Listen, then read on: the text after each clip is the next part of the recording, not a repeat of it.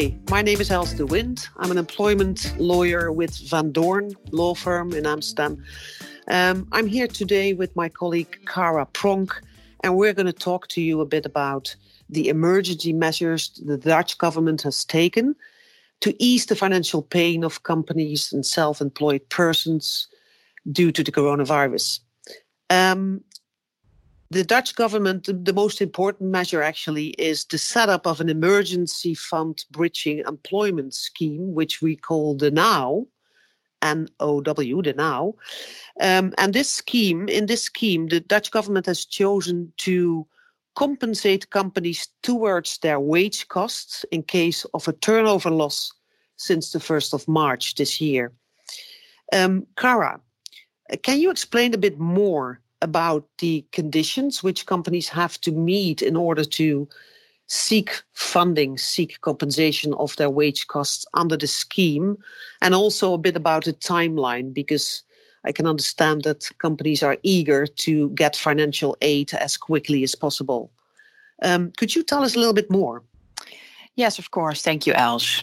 Um, we're talking about the NOW scheme, um, the scheme provides substantial financial aid to companies suffering at least 20% loss of turnover uh, during a period of three months between the 1st of March and the 31st of July 2020. The wage compensation is done in the form of a subsidy.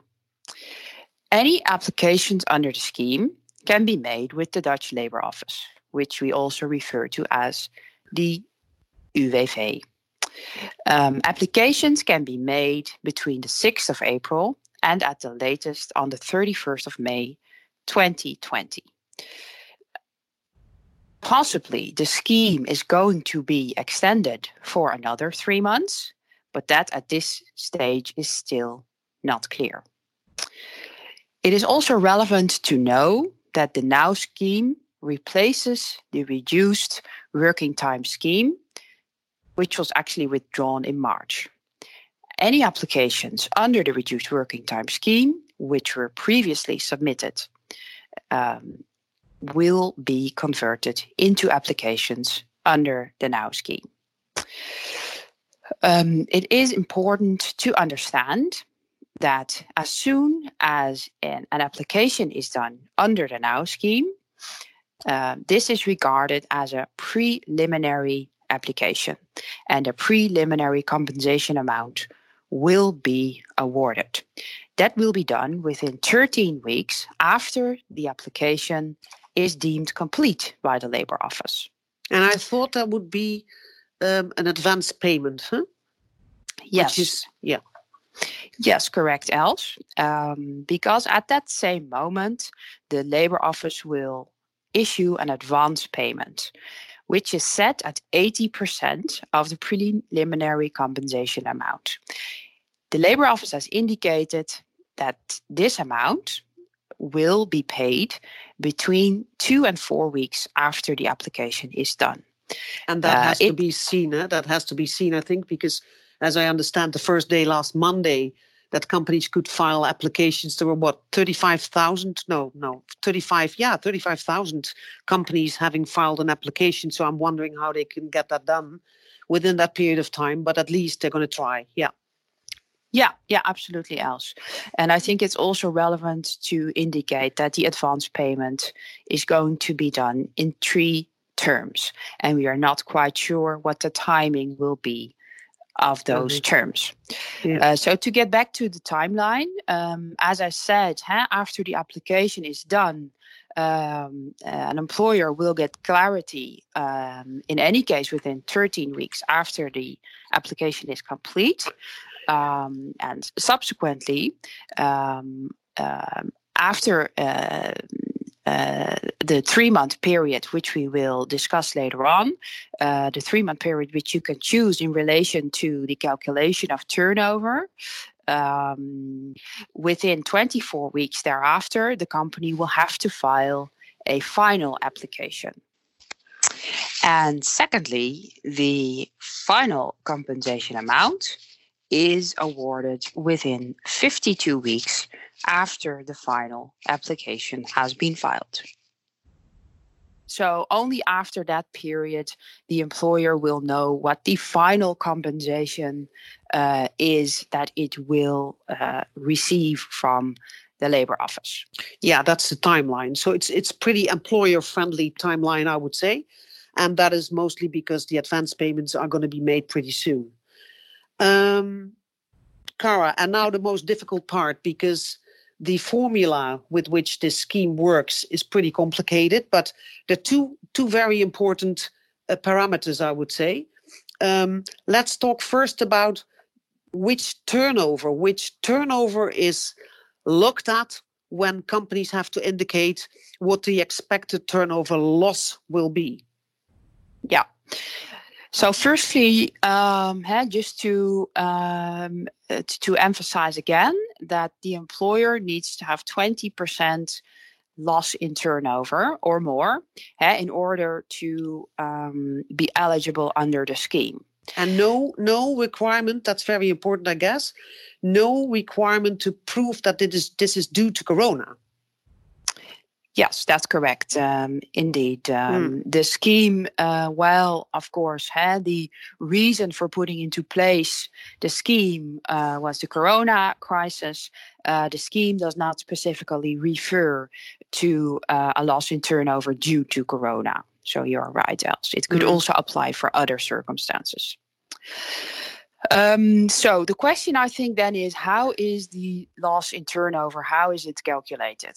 Um, and um, I think it is relevant uh, for everybody to understand that the compensation um, is actually a certain percentage of um, the wage sum of the employer, and that percentage is ninety percent of the loss in turnover. So, to clarify that, because it is quite complicated, in case an employer has a loss in turnover of 100%, um, the compensation is 90% of the wage sum.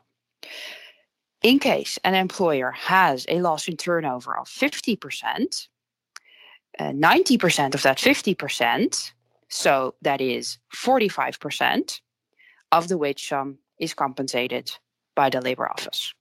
So that's how um, uh, how the calculation uh, works as to um, the first part. Um, so uh, the question then is how is actually the loss in turnover? How is that actually calculated? So the first thing you need to do is you need to establish the turnover of the employer over the year, so over the calendar year 2019. So from January until end of December, you need to look at the turnover in that period and you need to divide that number by four. That's the first thing you need to do. That you do that because then you get a three month period to look at, and the wage compensation is given towards the wage costs of three months March, April, May. Yeah. Or the other three months you choose. We'll come to that later. Yeah.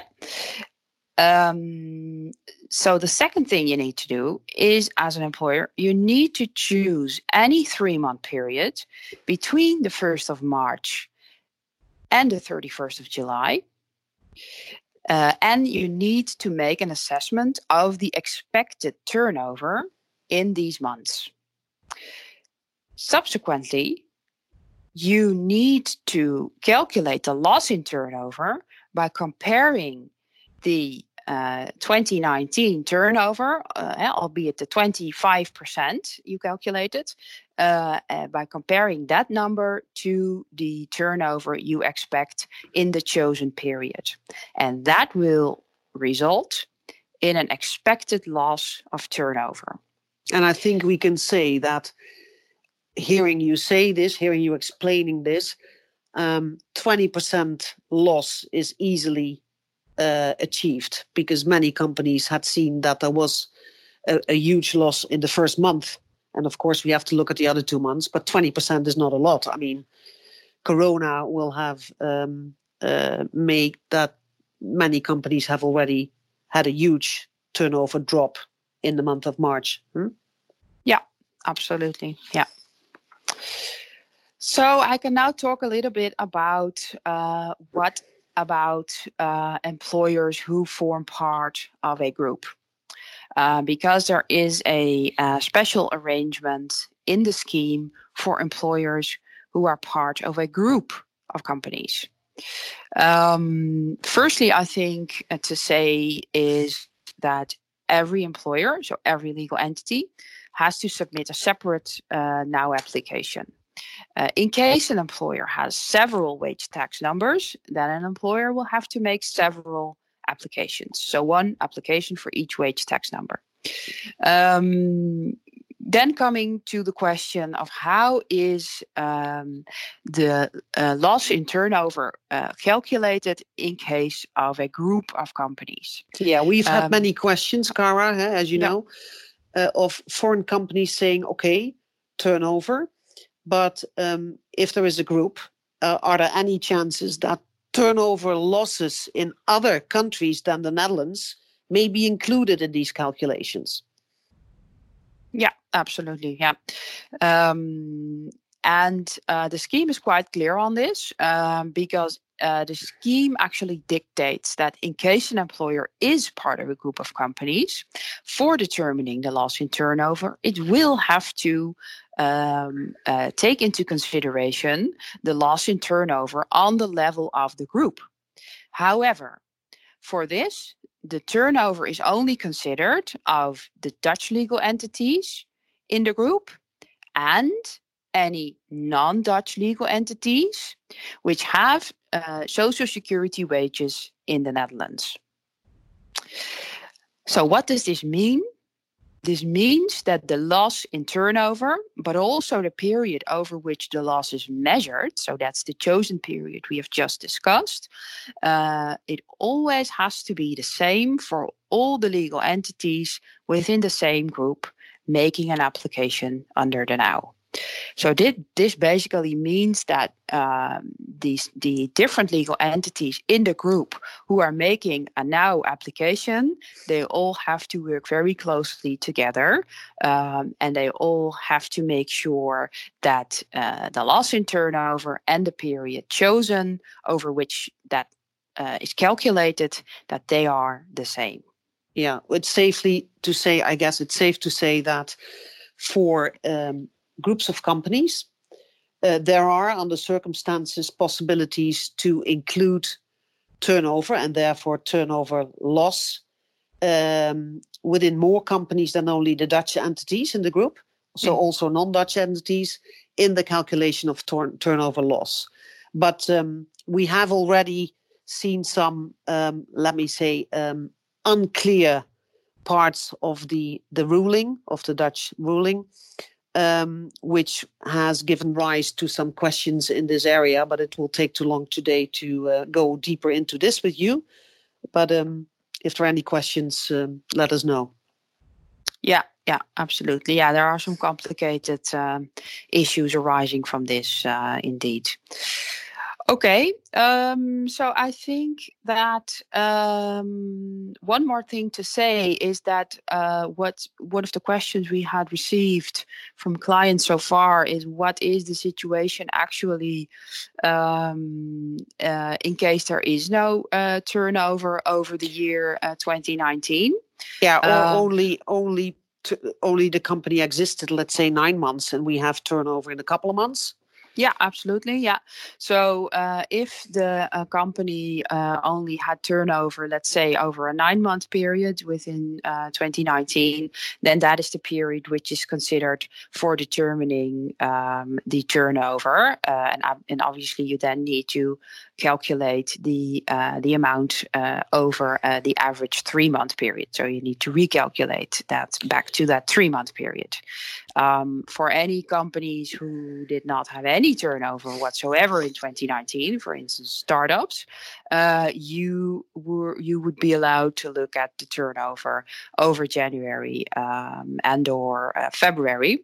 Um, uh, for companies who only have turnover as per the first of March, it does look like um, actually the company would, would not be eligible under uh, under the scheme. Um, however, for instance, in case of uh, a, a, takeover, so in case a company uh, was transferred via an asset transfer uh, as per the 1st of March, uh, meaning that there is no uh, there is no comparison uh, before the 1st of March in as to turnover.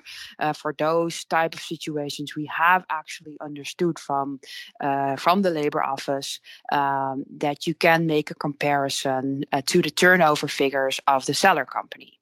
Um, so that has been uh, stated by the Labour Office uh, to us in an unofficial communication. So it is something to uh, to be very careful with, um, and uh, perhaps also contact us if that is the situation in your uh, company. So um, we discussed, uh, as we said in the beginning, there are two important parameters. You know what turnover is is taken into consideration when you look into whether you have a turnover loss of at least 20%. And the other important parameter is, of course, the wage costs towards which an employer can get the compensation. Um, so, Cara, can you tell us a bit more about how the wage costs are defined? Yeah, uh, I will, Els. So when you talk about uh, the wage costs, uh, that's the same as the wage sum, as I mentioned earlier. Uh, so the wage sum is the sum of the socially uh, insured wages uh, of the employees of the employer. So that does not include any temp workers or other hired staff. Now, the wage um, includes all compensation paid out to employees, except for non-taxable remunerations, such as an expense allowance um, and pension premiums paid for an uh, employee. Uh, this does, however, include variable pay. Now, there is also a maximum applicable, um, and that is uh, 9,538 euros per person. Um, that is the maximum amount which is considered for uh, uh, the wages of an employee under the NOW scheme. Now, the wage sum is increased by 30% for any other costs of employers outside the wages. Um, uh, then we're talking about pension premiums, social security premiums, supplemental health insurance premiums, and also reservations made for holiday allowance. Um, now, as we had already mentioned, a distinction is made between the preliminary calculation of the compensation that is relevant for the advance payment and um, the final compensation, uh, the final calculation of the compensation. Now, for the preliminary calculation, um, consideration is made of the wage sum over January 2020. Uh, whereas for the final calculation, the wage sum over March, April, May 2020 is considered. This means that differences can arise between the preliminary calculation and the final calculation. And that is due to the fact that the difference, uh, that the different wage sums over the different periods, uh, they they can uh, be different in amount. And that can actually lead to an additional payment from the labor office after the final calculation, but it could also lead to repayment obligation of the employer. But you never now, have to pay back more, I understand, than you ever got. Yeah, absolutely. Yeah, yeah. correct. Yeah. Um, so finally, uh, as to the wage sum, I think it is important to note that in case of an increase in the wage sum, so that the the wage sum over March, April, May, uh, if it is higher than in January, uh, this increased amount is not considered for the final calculation. So, in other words, the wage sum over January it serves as a ceiling, and the wage sum in March, April, and May can never be higher than the wage sum over January. That is important to note. Yeah, so and that is other- important, Cara, I think, because it was made clear by the government that um, the scheme aims at preservation of employment as much as possible. Yeah, absolutely yeah. correct. Yeah. yeah. And then the other way around. So, in case the wage sum decreases, um, then uh, there there is a, a, a, different situation. So the wage sum over March, April, May uh, would be less than the wage sum over January that will mean actually that the amount of the subsidy will go down because of the fact that the wage sum has also g- gone down. Now, when can this occur? For instance, where uh, less bonus amounts are paid out, for instance, but also the situation where fixed term contracts are not extended and where other employees are let go of. So that is something to consider when you are um, not deciding on extension of fixed term contracts, for instance. Hmm. I have one other, I think, important issue to discuss. That's the um, what about if companies ask compensation under the NOW, but also are going to or already were filing, are going to file, or already were filing for dismissal for business economic reasons.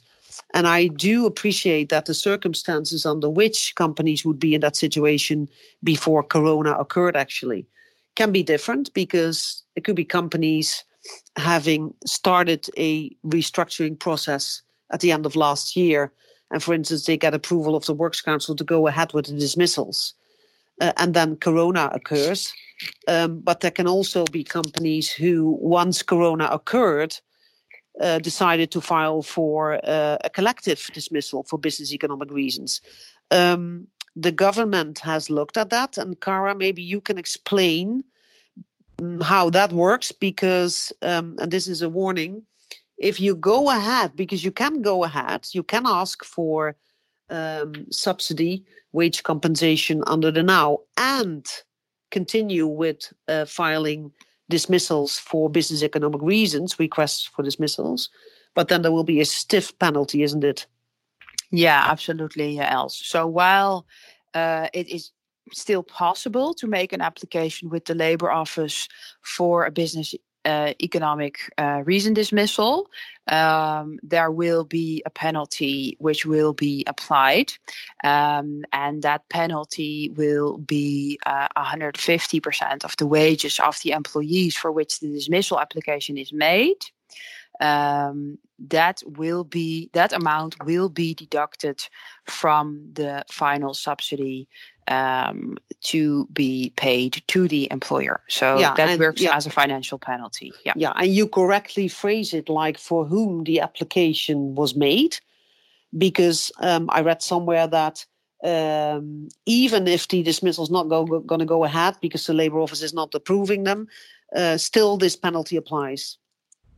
Yeah. Okay. Yeah. So a couple of round off, uh, how do you say, a couple of basket uh, questions, Kara. Um, are there any issues which you want to point out? Yeah, so just maybe a couple of things to point out, um, uh, which are basically conditions for eligibility under the scheme. Um, so uh, the wage compensation which is received or the subsidy which is received uh, from the labor office, uh, it must exclusively be used for payment of the wages. So you cannot use that payment for anything else than payment of wages. That's one that's important to note.